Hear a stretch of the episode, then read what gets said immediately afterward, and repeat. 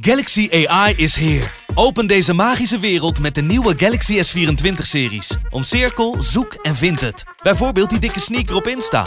Of omcirkel een foto van een gerecht en vind meteen het recept. Op zoek naar wat liefde over de grens? Met ChatAssist als tolk is jouw liefde grenzeloos. Maak vlijmscherpe foto's en bewerk ze als een pro. Met Photo Assist verwijder je al het ongewenst uit je foto, zoals lelijke reflecties of je ex. Bestel de Galaxy S24-series nu op samsung.com. Studio Socrates wordt mede mogelijk gemaakt door Unibed. Há muito tempo você está no meu caminho. Como posso esquecer?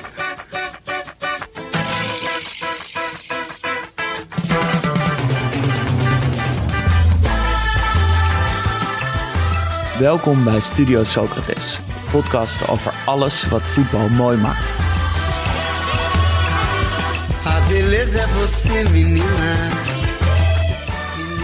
Ja, Jasper. Ja, Een speciale, speciale aflevering. ja, ik wilde net zeggen, het is een beetje anders dan anders. Normaal bespreken we natuurlijk in ieder geval dit seizoen de actualiteit. Dat betekent dat we zondagavond laat opnemen om alles van het weekend mee te kunnen nemen in de aflevering. Maar eh, het is nu zaterdagochtend. Daan en ik nemen nu op, want morgenavond, zondagavond, eh, hebben we het evenement in de Benelux Bar. Het was een groot daverend succes als je dit nu maandag luistert. Ehm, Leuk dat jullie er allemaal waren. ja, leuk om jullie allemaal in het echt te zien.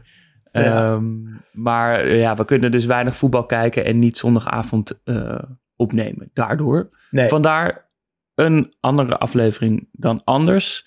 Eh, we dachten, we willen wel een aflevering maken. Elke week vragen we jullie, de luisteraars, om ook vragen in te sturen. Die, en daar behandelen we er dan eentje van in de podcast. Maar dat betekent dat er heel veel blijven liggen. En dus deze week alle vragen die we hebben laten liggen. Ja, en eh, nog heel veel nieuwe vragen zijn er ook ingestuurd. Ja. Eh, want we hebben deze week jullie weer om wat hulp gevraagd. En het, za- eh, ja, het waren er veel. Dus excuus als je vraag niet behandeld wordt. Want we hebben helaas geen tijd om ze allemaal te doen. Dan, dan zitten we echt drie uur lang eh, te kletsen met elkaar. Dus we, we doen een selectie. Ehm, maar we gaan er zoveel mogelijk proberen te doen in, eh, nou zeg drie kwartier aan een uurtje. Zullen we gewoon maar aftrappen, Jas? Steek met, van wal. met de luisteraarsvragen, ja. Oké. ehm, we beginnen met een vraag van Finn Pont. Die vraagt, als je een trainer zou zijn, wat voor een trainer zou je dan zijn? En wat voor spelers zou je halen? Nou, brand los, Jas. Wat, voor een trainer zou jij zijn? Zou jij een kopie van Mourinho? Of, eh, Ten eerste zou ik gewoon vooral denk ik een hele slechte trainer zijn. Ik zou echt geen idee hebben waar ik moest beginnen. Hoe, of ik een voetbalvisie heb. Hoe ik die vertaal naar tactiek. Hoe je dat traint op, een, op, op het trainingsveld. Echt geen idee. Ik denk dat ik meer een beetje een... Ik denk dat ik een goede assistenttrainer zou zijn. Beetje Ja, met jongens ja. praten, ze op zijn gemak stellen. Een beetje het hand, menselijke... op, hand op de schouder? Precies, precies. Komt Ja. goed, vertrouwen geven. Volgende week wordt jouw moment. Als je de kans krijgt, moet je, moet je er staan. Dat soort dingen. Alles goed thuis ook. Ehm, maar ik denk, als ik dan een trainer zou zijn... Ik zou het eerst proberen met aanvallend voetbal... en kleine technische middenvelders. Maar dat zou één grote puinhoop worden. Dus uiteindelijk denk ik dat ik al mijn principes overboord zou gooien een groot blok aan zware verdedigers neer zou zetten. die de ballen gewoon naar voren beuken. waar een paar snelle jongens staan. Denk, denk, denk dat het daarop uitkomt. Klinkt toch stiekem een klein beetje als Mourinho. nou, die probeert er niet eens om mooi te spelen. Eh, maar ik heb wel nog de droom gedaan dat, dat wij ooit. Dat ik ooit jouw assistent ben. en jij hoofdcoach van, een, van een tropisch. een klein tropisch voetballand. Welk land? Zit, zit- Nou, dat- nee, gewoon een, een avontuur. een tropisch avontuurlijke eh, verrassing. Ik hoorde wel dat eh, je hebt nu ehm Dick Advocaat natuurlijk, die toch nog een keer trainer is geworden van eh Curaçao. En ik hoorde in een podcast dat, dat zij dus heel veel aanmeldingen hebben gekregen van teammanagers en fysiotherapeuten en mental coaches. Die allemaal dus het idee hebben wat jij nu ook hebt. Van hey, ik zou eigenlijk wel in zo'n trainerstaf willen zitten van een, van een klein Caribisch land.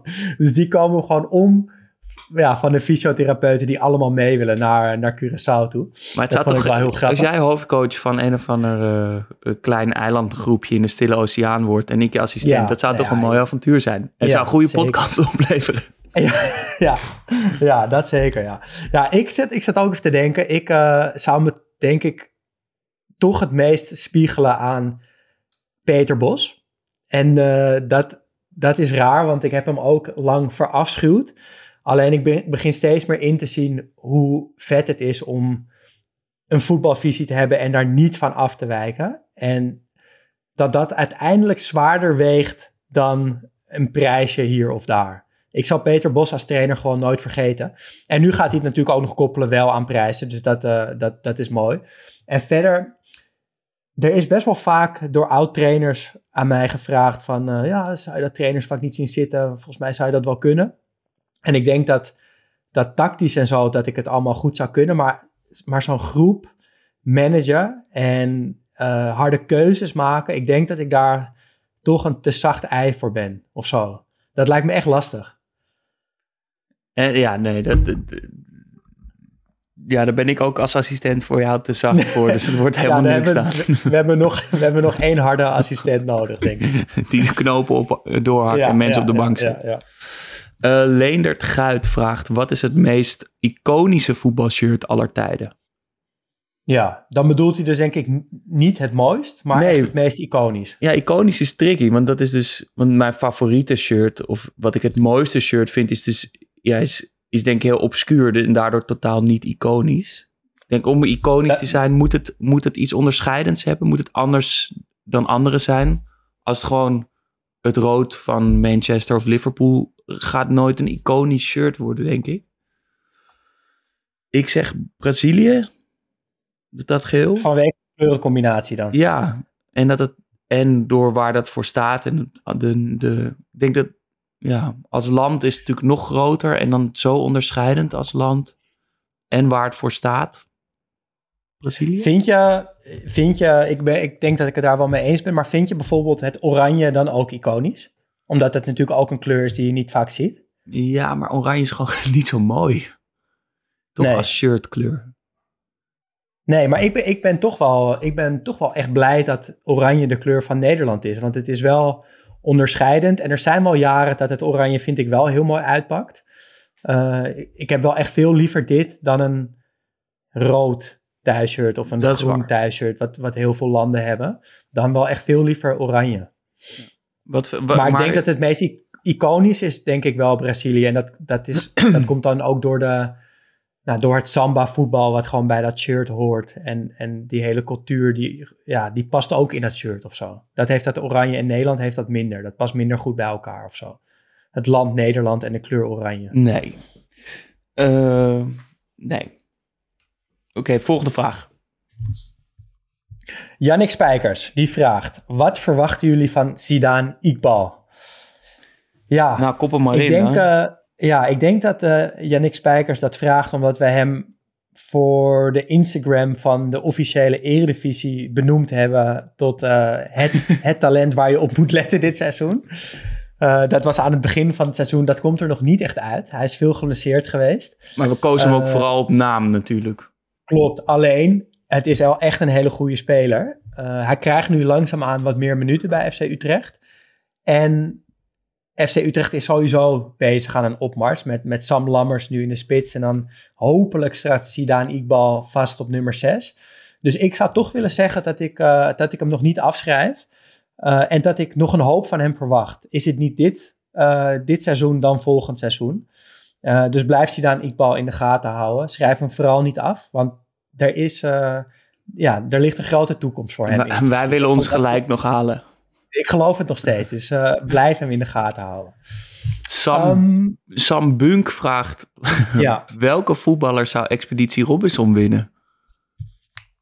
ja. Leuke vraag. Wie, laten, we hem, laten we hem breed insteken eventjes. Wat, welke kwaliteiten moet je hebben om überhaupt Expeditie Robinson te winnen? Ja, het is natuurlijk lastig, want alleen goed. Tenminste, ik kijk nooit Expeditie Robinson. Maar wat ik ervan weet is dat je niet alleen goed in die proeven moet zijn. Maar je kan ook te goed zijn en dan stemmen ze je eruit. dat je een te groot gevaar bent voor de rest. Ja, dus je moet ook weer niet te aanwezig zijn. Je moet ook niet te onsympathiek zijn. Maar je moet wel sterk genoeg zijn dat ze je in je team willen houden. Ehm,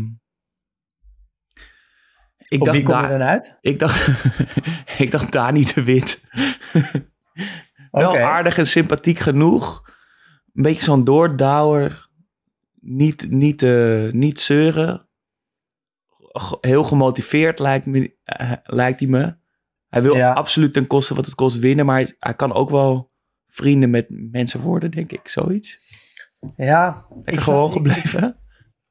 ja, ik denk eh, dat hij heel veel eh, vinkjes achter zijn naam heeft, maar dat hij iets te fanatiek is. En dat dat, eh, dat dat bij veel mensen in de groep toch tegen gaat staan. Ik denk dat je iemand nodig hebt die iets minder fanatiek is. op het eerste oog, maar eigenlijk heel fanatiek is. Maar dat op een wat sympathiekere manier verpakt. En dan zou ik een lans willen breken voor Jerdy Schouten. Oh, dat snap ik. Ik denk, ik denk dat dat stiekem een eh, hele, hele fitte, slimme jongen is, maar die ook heel aardig gevonden wordt. Die eh, maakt wat mij betreft een goede kans om Expeditie Robinson te winnen. Leuke vraag van Sam Bunk. Ehm, volgende vraag is van Loek Wevers. En die vraagt, wat is jullie favoriete aanstormende talent? Ja, ik, ik zag dit al staan en ik zat er even over na te denken. en ik ben bang dat ik toch weer een beetje abstract ga doen. Net als met transfers. Dat eh, het, het meest, de meest spannende aanstormende talent is degene van wie je natuurlijk nog niet geho- gehoord hebt. Want Die er in één keer is. ja, want ehm, het, het klinkt natuurlijk weer een beetje filosofisch, maar ik meen het wel. Want bedoel, aanstormende talenten zijn altijd spannend, maar die spanning duurt vrij kort voor mijn gevoel. Dat de, de eerste keer dat je iemand ziet en opeens je opvalt, dat is opwindend. En daarna Ja. duurt het twee, drie wedstrijden en dan zijn ze eigenlijk al wel gearriveerd. Ik denk de Zoals laatste... bij met- Hato bijvoorbeeld. ja, de laatste met wie ik het had was eh Mainu van eh, eh, United. Ja. Maar dat is nu ook al minder soort van, oh ja, die naam kennen we nu of zo. Dat die over eigenlijk volgend jaar is hij al een soort household name geworden. Ja. Dus eigenlijk is het opwindender om te bedenken wie je nu nog niet kent. Er loopt nu ergens iemand rond die over tien jaar de gouden bal wint. Wiens Ja. naam iedereen straks kent, maar voor jou nu nog totaal onbekend is. En dat, dat idee, dat er ergens dus iemand rondloopt die de beste voetballer ter wereld gaat zijn, dat vind ik eigenlijk het, het meest spannende. Ja, maar je bent dan niet, je, heb jij niet zoiets van eh, eh, dat je daar een beetje naar op zoek gaat? Naar, naar de grote talenten van. Nee, want het zijn volgens mij toch die talenten die er opeens zijn. Toch zo'n Ja. Mainu, die, die is er opeens. Ja, Dat is ook omdat wij die, Maar- die jeugdopleidingen natuurlijk niet inzitten. Maar klopt. Maar dat wordt natuurlijk steeds, eh, het, het wordt ook steeds lastiger om, om echt verrast te worden door een talent. Omdat eh, eh, er, er is zoveel informatie, er is zoveel te vinden op internet. Dat als iemand één keer een bal in de kruising schiet in de onder 19, dan staat het op het YouTube-kanaal van, van de desbetreffende club en dan ken je die speler al. Dus, dus dat, die, dat moment van opwinding is steeds moeilijker te vinden, denk ik, bij, eh, bij talenten. Ehm, maar ik heb er toch nog wel eentje die voor de liefhebber zeker wel al bekend is, maar die nog geen of heel weinig minuten in de Eredivisie heeft gehad. En dat is Tigo Land van PSV. En waarom ik hem zo'n sensationeel talent vind, is omdat hij qua motoriek gewoon een kopie is van Frenkie de Jong. Als je hem ziet voetballen, gewoon eh, van hoe hij ja, dartelt over dat veld, tot de manier waarop hij zijn handen langs zijn lichaam houdt, tot de manier waarop hij wegdraait en dribbelt, is het één op één Frenkie de Jong. En daar word ik wel heel enthousiast van. Eh, en ik hoop dat eh, Peter Bos hem nog wat minuten gaat gunnen, zodat we hem wat vaker in actie zien. Maar daar, eh, daar ben ik heel enthousiast over. Dus mijn antwoord zou zijn Tigo Land van PSV. Frank Nagel vraagt: hoe ziet jullie ideale manier van voetbal kijken eruit? Ehm, ja, niet in een kroeg. Sorry Jasper, jij hebt een kroeg, maar ik hou er niet van om in een kroeg voetbal te kijken. Hey, ik heb geen Eh, voetbal in de drijf, hè? Dus Nee, ik voel me niet aangesproken. Nee.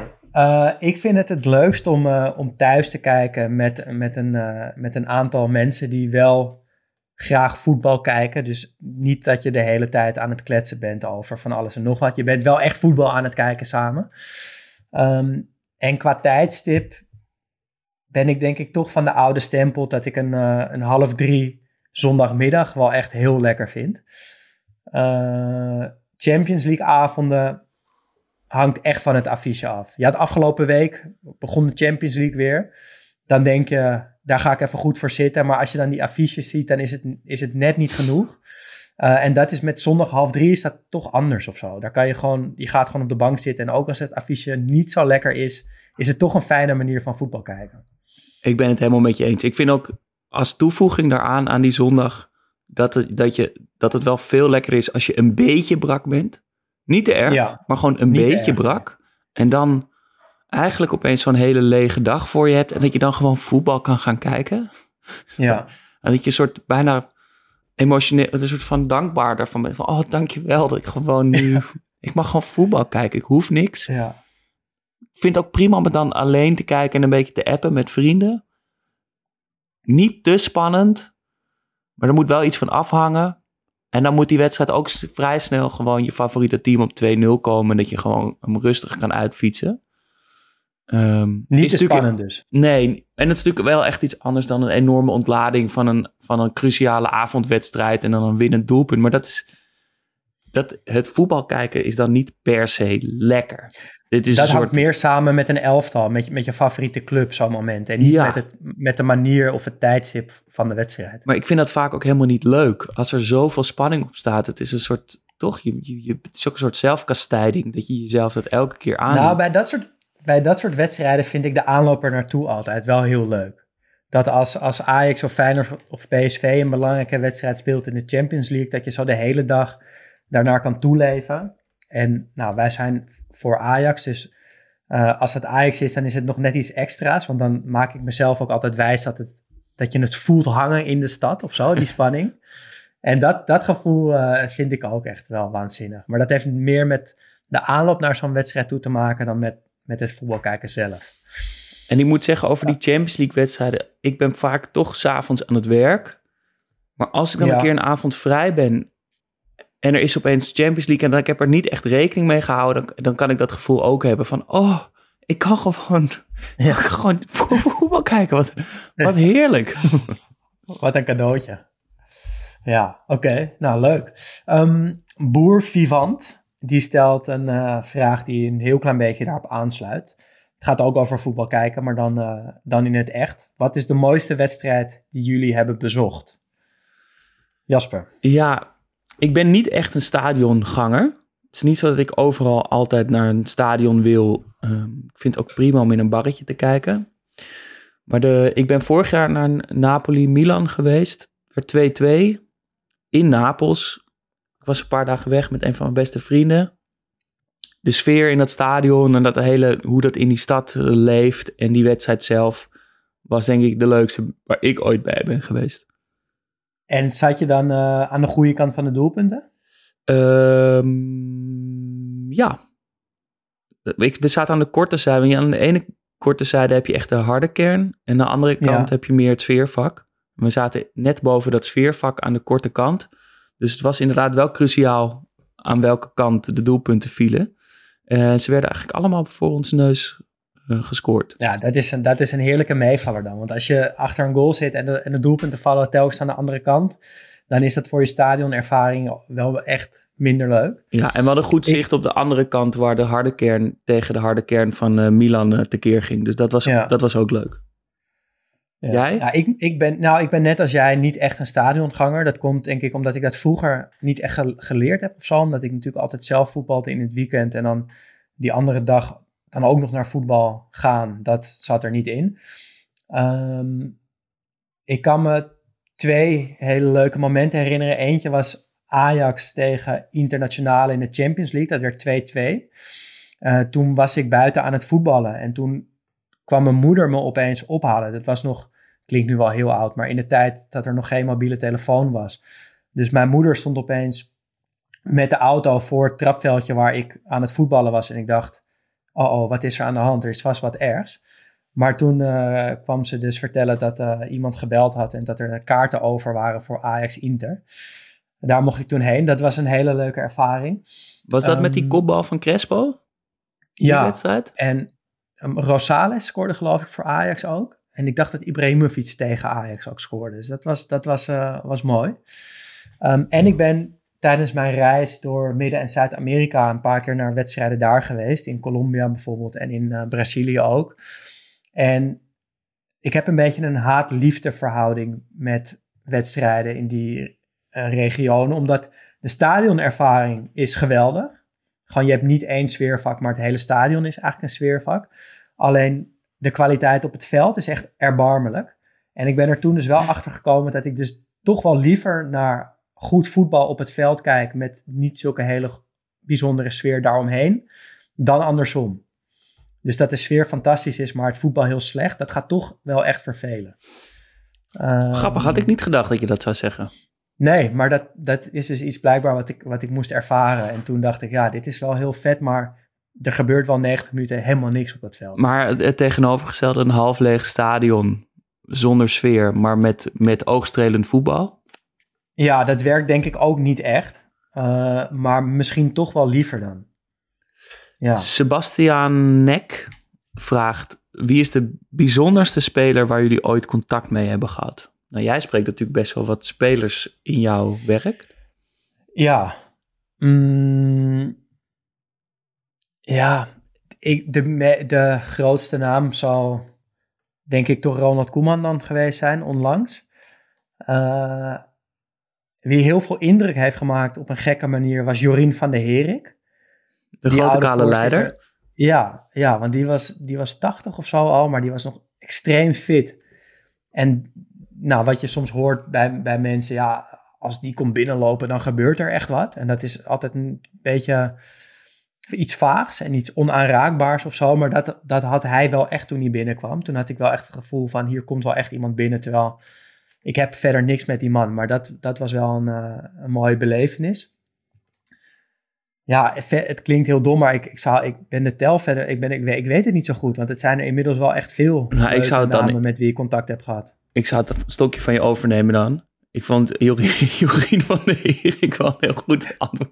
De meest bijzondere speler waar je ooit mee contact hebt gehad. Daan ja, Sartorius, Jorien van der Herik, ja. punt. Ik zou zeggen, want ik heb helemaal niet zoveel spelers ontmoet. Urbe Emanuelson en Medunjanin, allebei voor de podcast. Uh, ik weet dat uh, Emanuelson was de eerste die we interviewden. En dat ik mezelf de hele tijd aan de knijpen was. Ik, hé, zit ik nou gewoon tegenover Urbi en ik mag hem gewoon alles vragen? Hoe is dit nou zo tot stand gekomen? Dat vond ik heel leuk. En Medunjanin was, was het meest uh, bijzonder, denk ik. Want we, we voelden ons echt verbonden met hem.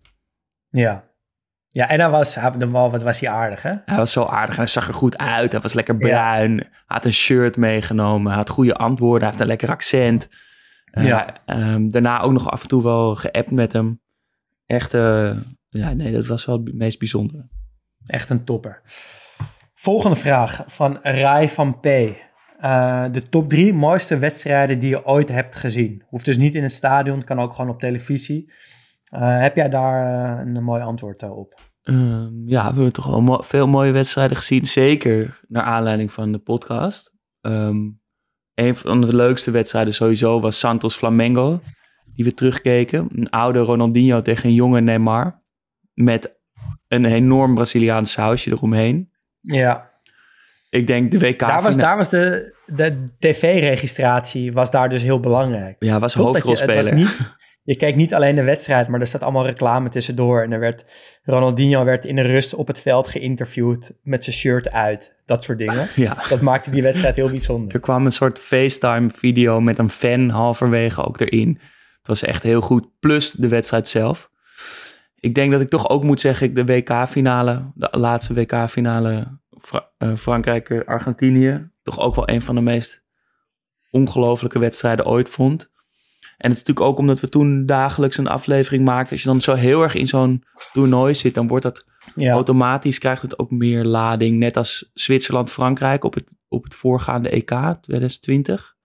ja. Waarin Zwitserland-Frankrijk eruit knikkerde. En ik moet ook nog een speciale shout-out geven naar de promotie-degradatie-playoffs van 2022. ADO Den Haag tegen Excelsior 4-4. ja. Met penalties ging Excelsior door.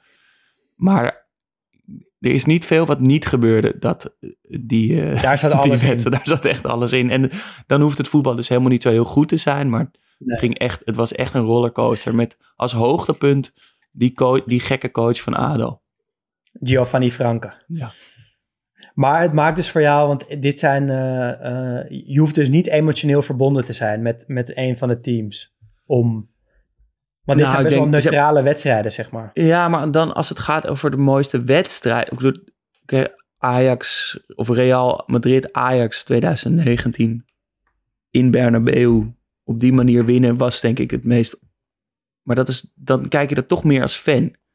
Ja, Eh, en dat is dat ja is dus jij anders. kijkt gewoon nu, nu puur naar vermaak. Ja, Ja, Jij? Dan, eh, nou ja, dan, dan is echt het eerste wat bij mij naar boven komt, is ook die Santos Flamengo wedstrijd. Ehm, en nou, wat ik net ook al zei, omdat dat, dat ten eerste, we wisten natuurlijk wel wat de uitslag werd van die wedstrijd. Want we hebben die wedstrijd teruggekeken in ons seizoen, dat we wedstrijden terugkeken en daar een aflevering over maakten. Eh, maar dat was het ook. En dan is het dus heel leuk om te merken dat het fenomeen voetbal kijken eh, per land of per cultuur misschien dus ook iets heel verschillends is. Dat de manier waarop wij hier in Nederland voetbal kijken, dat dat dus heel anders is dan de manier waarop je in Brazilië voetbal kijkt. Eh, en dat, eh, ja, dat, ma dat maakte die wedstrijd eh, wel heel bijzonder. En echt als voetballiefhebber, dan zijn die paar jaar dat Barcelona en Real Madrid voor mijn gevoel zes klassico's per jaar tegen elkaar speelden. En dat Messi en Ronaldo in die wedstrijd eigenlijk ook telkens een wedstrijd tegen elkaar speelden. Daar, dat, dat waren wel jaren dat ik voor die wedstrijd echt thuis bleef. En dat ik me ook nog wel kan herinneren dat ik op een gegeven moment het gevoel had dat ik gewoon naar kunst zat te kijken. Naar Messi en de tiki-taka van Barça. Dat ik dacht, ja, dit, deze wedstrijden worden ooit in een museum eh, tentoongesteld. En dan kan je daar gewoon heen om die, om die wedstrijd 90 minuten terug te kijken. En dan heb je een kunstzinnige ervaring gehad. Dus die wedstrijden blijven me ook wel echt bij. het is gewoon drie klassico's uit die tijd.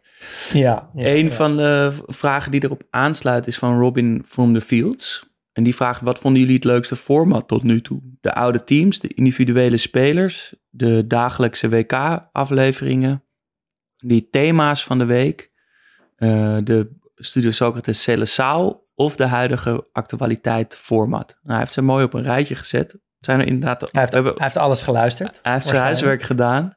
Het zijn inderdaad al best wel wat verschillende vormen. Ehm, dat vind ik ook leuk daaraan. Dat ik het idee heb dat we... Nou, we durven nu die actualiteit ook wel een beetje te tackelen.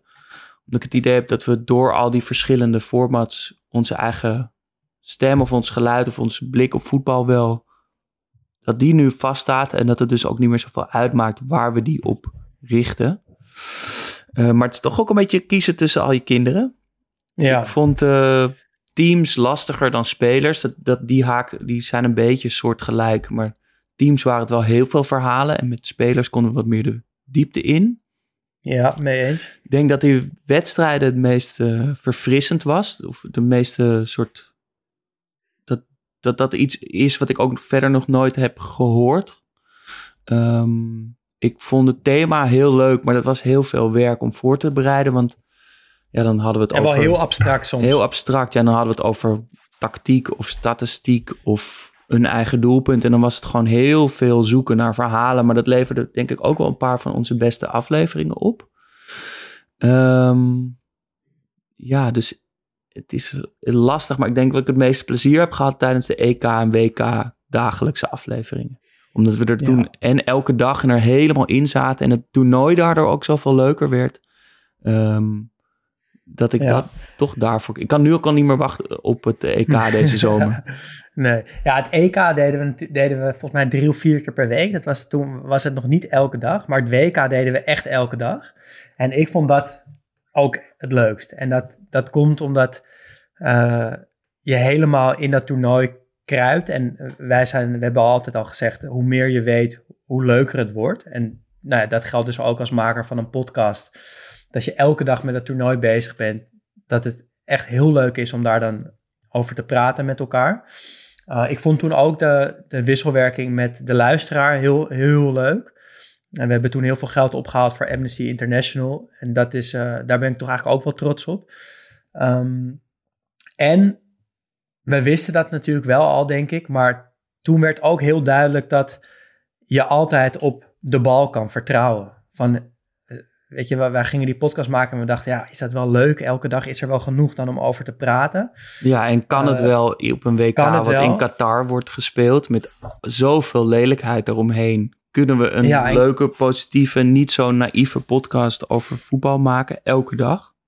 Ja, en kunnen we dan ook een, weet je, onze eigen toon behouden en niet uh, de doorsnee actualiteitsvoetbalpodcast worden? En nou Zoals ja, we de nu ervaring zijn. leerde. nou, nee, vind ik niet hoor. Maar de, de, ervaring leerde dat je hoeft gewoon die wedstrijden maar aan te zetten. Uh, een notitieblokje erbij te pakken, een beetje goed op te letten en de verhalen vormden zichzelf. Um, en dat, uh, ja, dat bood heel veel plezier en dus ook heel veel hoop wel. Dat zelfs een toernooi in Qatar, uh, met al die walgelijke arbeidsomstandigheden, dat op het moment dat die bal gaat rollen en er 22 man op een veld tegen elkaar een potje voetbal spelen, dat, dat de mooie verhalen en het mooie voetbal alsnog komt. Dus dat, uh, dat is ook mijn favoriet geweest.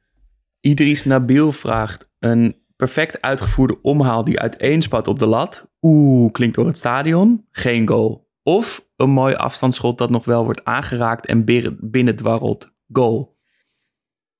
Ja, dan zijn wij denk ik toch allebei uh, de romanticussen die zeggen... ja, dan maar een heel mooi, hele mooie omhaal op de lat. Sterker nog, ik denk als ik zou moeten kiezen tussen een omhaal op de lat... die uh, naar, gewoon een, een uh, achter gaat... of een omhaal op de lat onderkant en dan erin schiet... dat ik alsnog misschien wel voor dat eerste kies... die, dat je die belofte hebt van... oh, stel je voor. dat is eigenlijk bijna vaak bevredigender dan dat hij er dan toch onderkant lat nog ingaat. Ja. Dus 100% omhaal. 100%. dan uh, volgende vraag van Florent van Aubel. Een Belgische vraag. Dat zal een uh, Belgische luisteraar dan denk ik ook zijn. Uh, Fellaini heeft zo net een punt achter zijn carrière gezet. In mijn ogen een hele atypische voetballer. Nou, daar houden wij van, van atypische voetballers. Zeker. Hoe blikken jullie terug op zijn carrière? overrated, underrated? En zijn er enige momenten die bij jullie opkomen? Ja, ik vind het moeilijk te zeggen of hij nou underrated of overrated is. Het was natuurlijk een geweldige voetballer. En sowieso vooral door dit haar en door die verschijning... een enorme verfrissing tussen al die precies hetzelfde uitziende voetballers. Maar dat afsluiten in China... dat geeft toch een soort smet aan dat hele verhaal. En dat kan ik er niet meer echt los van zien. Dus ja, lastig. Um, het eerste wat me te binnen schiet was hoe goed hij was in de UEFA Cup finale tegen Ajax. Um, hoe sterk ja, en hoe erg hij ons, dat uh, middenveld dat heerste. Ja, dat was voor ons natuurlijk kloot. Alleen dat, ik, achteraf gezien is dat toch wel, toch wel iets wat het voetbal mooi maakt. Dat, dat je kan het allemaal heel ingewikkeld benaderen. Of je kan gewoon zeggen, we sturen Fellaini een beetje naar voren. We laten onze keeper de bal hoog naar Fellaini trappen en die wint zijn kopduel wel. En dat is wat er toen gebeurde. En dat is, dat is waarom ik Fellaini niet zo snel zal vergeten. Ik hou heel erg van spelers die een hele specifieke kwaliteit hebben, die in één ding echt heel goed zijn. En hij had dat met koppen. En dat, uh, dat is toch een soort van overstijgend dan. Van, ik weet eigenlijk niet of hij nou een hele goede voetballer was. Uh, ik weet ook niet of, of ik fan was van het type voetballer. Dat, ik, ik denk het niet. Maar het feit dat hij uh, zo goed kon koppen, in combinatie met die haardos, dat maakt wel dat ik hem nooit zal vergeten. Dus dat, uh, in die zin heeft hij voetbal voor mij zeker wel verrijkt. T53 vraagt: Als je jouw carrièrepad mocht uitstippelen, bij welke club zou je beginnen? Bij welke club zou je je prime willen beleven? En bij welke club zou je je carrière willen beëindigen? Ja. Ehm, doorbreken bij Ajax, Dat moet wel. toch? Als, Dat als kan, ja. jongen van, eh, van de stad moet je bij Ajax in de jeugdopleiding Ja. komen en dan doorbreken bij Ajax. Ehm, dan zou ik daar toch wel een... Ik zou niet te vroeg weggaan. Ik zou daar wel een eh, vier, vijf jaar naam willen maken. Kampioen worden, Ehm. een keer die aanvoerdersband dragen. Ja, ja precies dat, ja.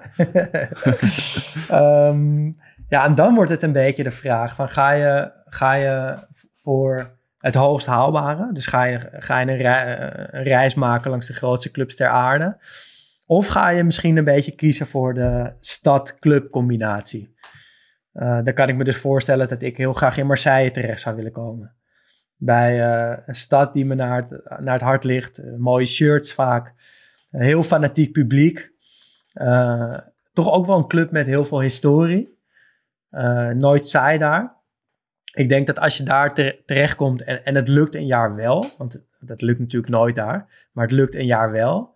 eh, die hegemonie van Paris Saint-Germain doorbreken, dat je dan iets doet wat, ja, wat voor altijd is.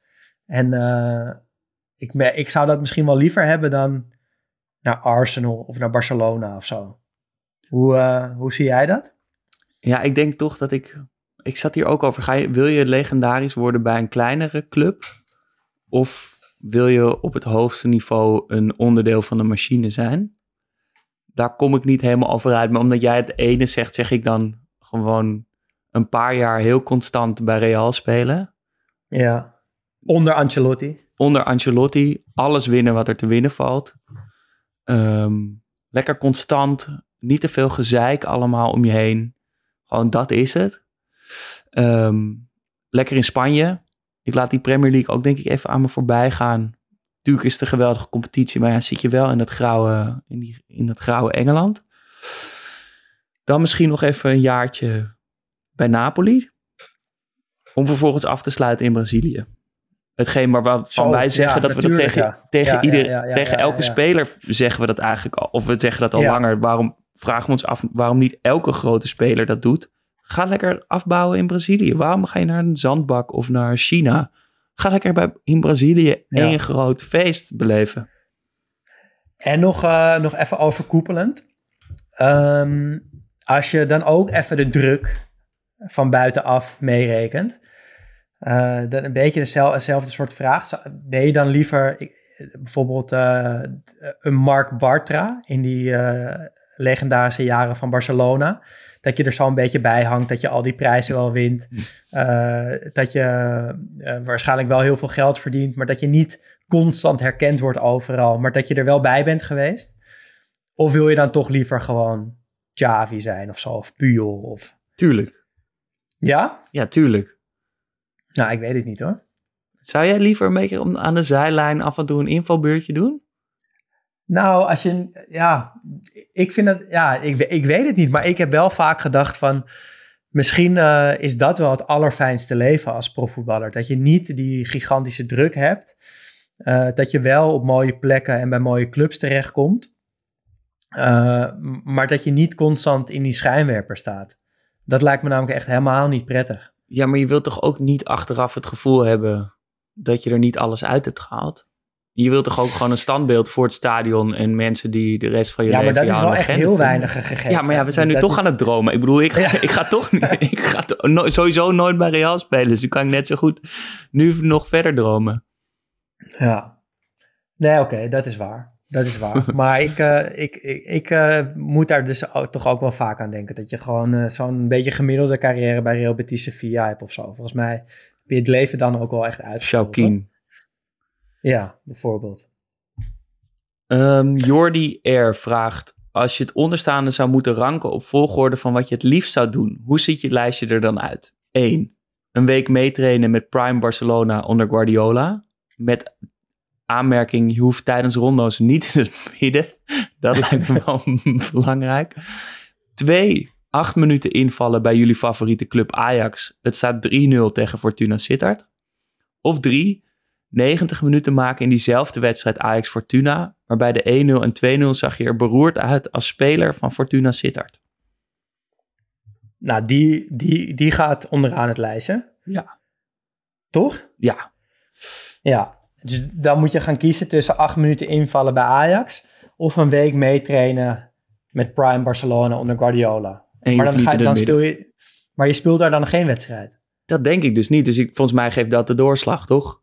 Ja. Je, wilt, je wil een keer als profvoetballer in een vol stadion staan. En dus speel je acht minuten bij, bij Ajax mee. Ik denk dat mijn conditie sowieso maar acht minuten toelaat. Dus helemaal fine by me. je wil niet eens langer dan acht minuten.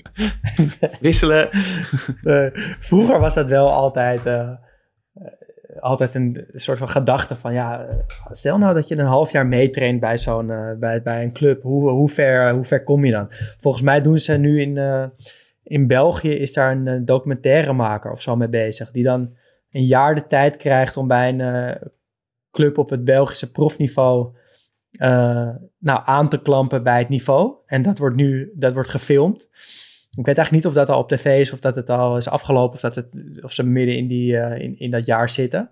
Maar het is wel ja, een superleuk gedachte-experiment. Ik vind, vind het Ehm. ook sowieso wel goed om, om een soort eh, vergelijking te hebben met gewone stervelingen. Hoe goed zijn mensen? Net als met de Ja. Olympische Spelen, dat je met rennen of met zwemmen of schaatsen of zo ook gewoon één amateur-liefhebber mee laat doen.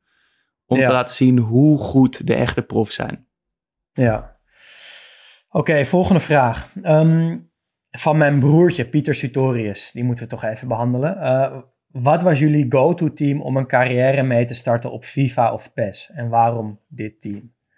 Wat eh, ha- ha- had jij een team? Ehm, ik heb een tijdje Real Betis gehad. Ook met de online soccer manager, wat we stiekem op school Oh ja, in de pauze ja. speelden. Ehm, ik denk dat ik veel Master League met Tottenham heb gespeeld uiteindelijk. Ja. Omdat het net... Die En niet met toen- het elftal met Castolo en zo. Eh, ik weet het niet meer zo goed. Ja, ik denk het wel. Ehm, en eh, Ledley King en zo, die speelden er. Ja, ja, ja. ja. Londen. Berbatov, die, die generatie. Ehm, jij? ja, Ja, jij bij, hebt waarschijnlijk heel veel tegen hem gespeeld ook. dat, nou, dat, dat, ja, we hadden het natuurlijk wel allemaal, maar voor mijn gevoel speelden we toch niet zo heel vaak tegen elkaar. Misschien omdat het gewoon uitmondde in ruzie. Ehm, maar ik, ik denk dat ik, eh, op een gegeven moment speelde ik heel veel met Rafael, een andere vriend van mij, carrières. Bij FIFA was dat inmiddels wel al. En dan begonnen we altijd met een club op, in eh, League One in Engeland. Dus MK Dons, kan ik me herinneren, of Scunthorpe United. En dan eh, bouwden we aan een, eh, aan een elftal dat uiteindelijk via de championship, na, championship naar de Premier League promoveerde en dan eh, de Champions League moest gaan winnen. En dat was wel echt leuk, want dan, dat, dat team vormde zich steeds meer naar de rare fascinaties die we allebei hadden. Dus er moest bijvoorbeeld een, een vrije trappenspecialist in. Dan kochten we vaak Louis Baker van Vitesse, zat hij toen. Eh, ik, had, ik had toen al een voorliefde voor Aziatische aanvallers.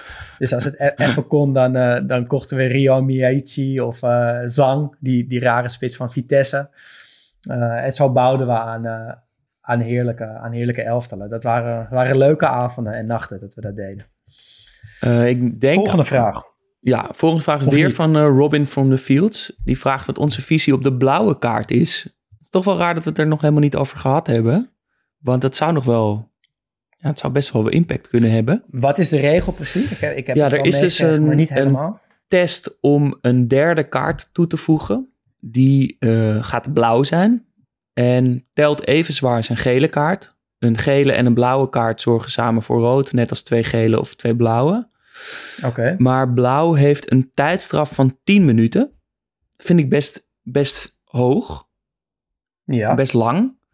Ehm, en de blauwe kaart gaat, zoals ik het begrijp, meer over onsportiviteit. Dus aanmerking op de scheids, tijdrekken, schwalbes en dat soort dingen.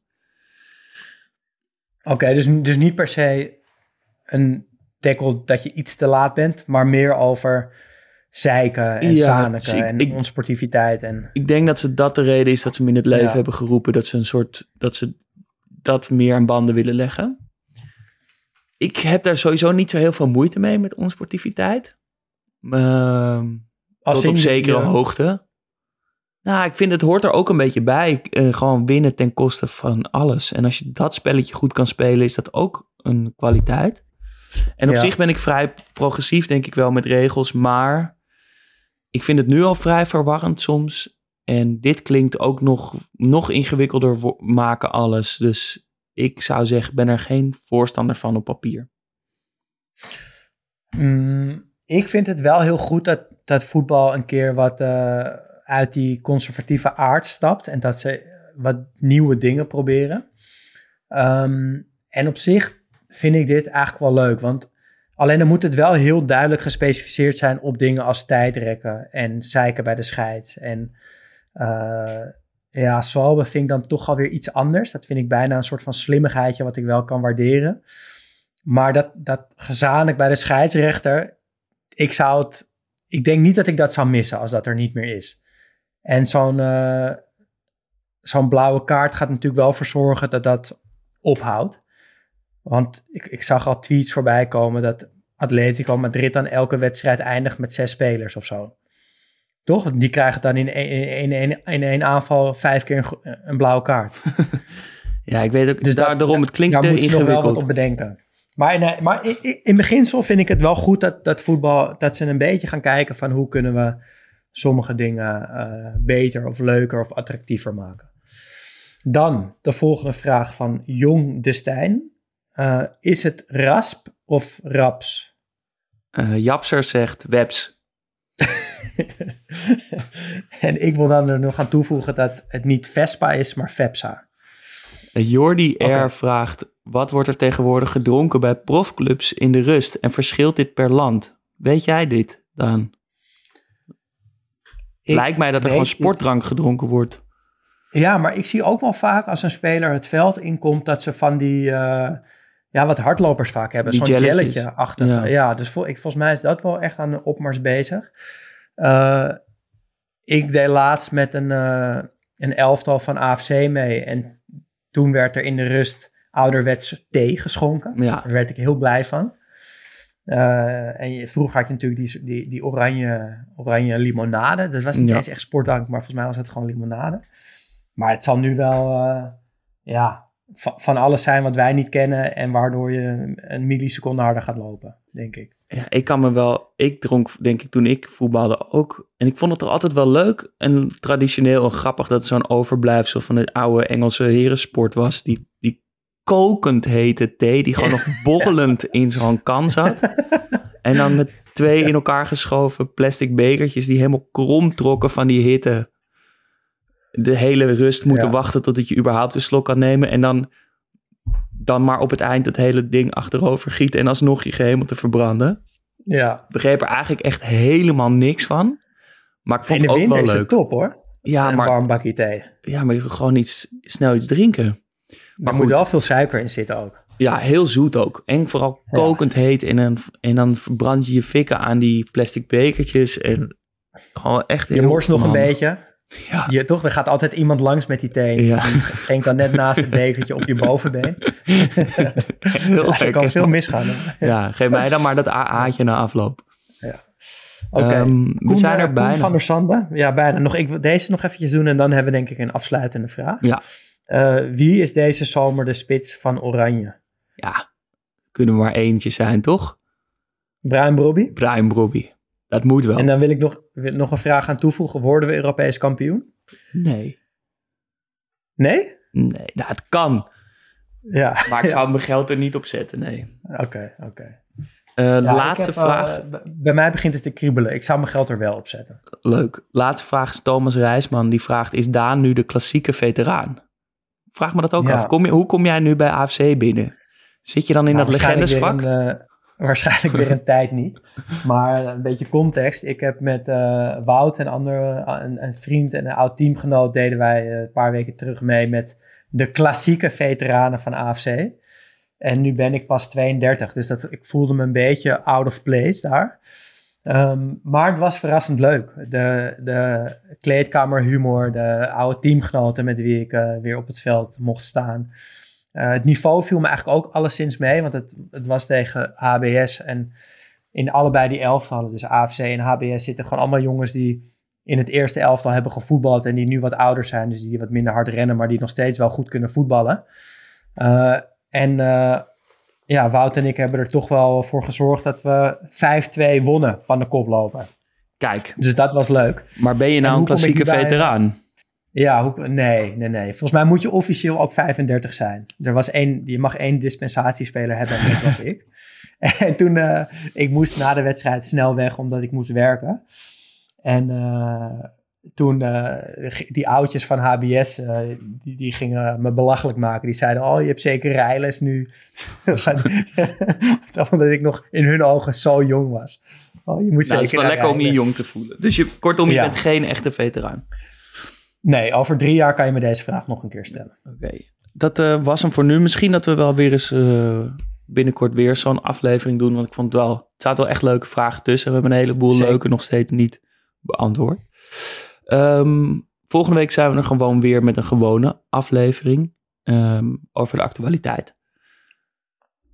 Ja, nou leuk. Dat leuk. was het. En leuk, en, dat, uh, leuk dat jullie er allemaal waren gisteren bij, bij de Benelux-bar. en uh, volg ons allemaal op uh, Twitter, ik bedoel X en Instagram, studio-socrates en word vriend van de show. Dat kan ja. op vriendvandeshow.nl slash studio Socrates voor al 2,50 euro per maand. En je kan ons mailen naar studiosocratespodcast.gmail.com. Tot volgende week.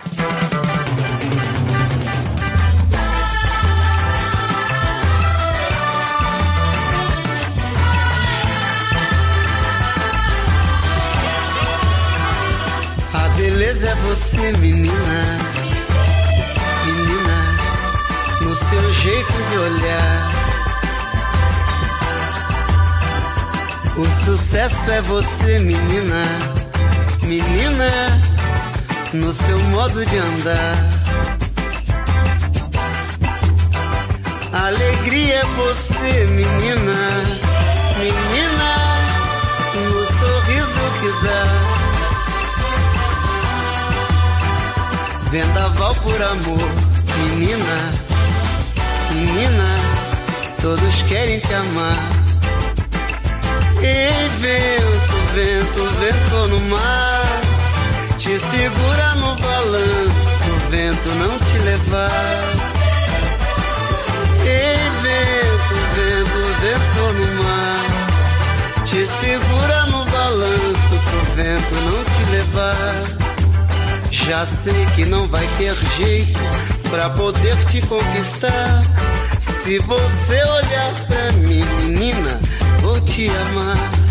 Já sei que não vai ter jeito pra poder te conquistar.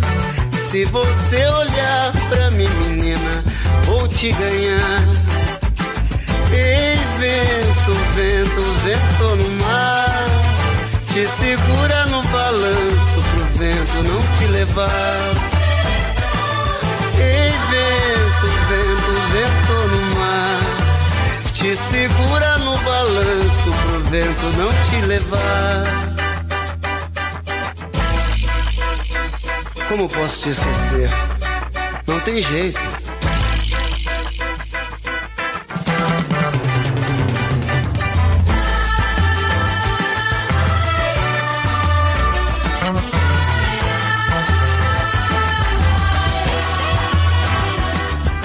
Beleza é você, menina, no seu jeito de olhar. O sucesso é você, menina, menina, no seu modo de andar. Alegria é você, menina, menina, no sorriso que dá. Vendaval por amor, menina, menina, todos querem te amar. Ei, vento, vento, vento no mar, te segura no balanço pro vento não te levar. Ei, vento, vento, vento no mar, te segura no balanço vento vento não te levar. Mar, te segura no balanço pro vento não te levar.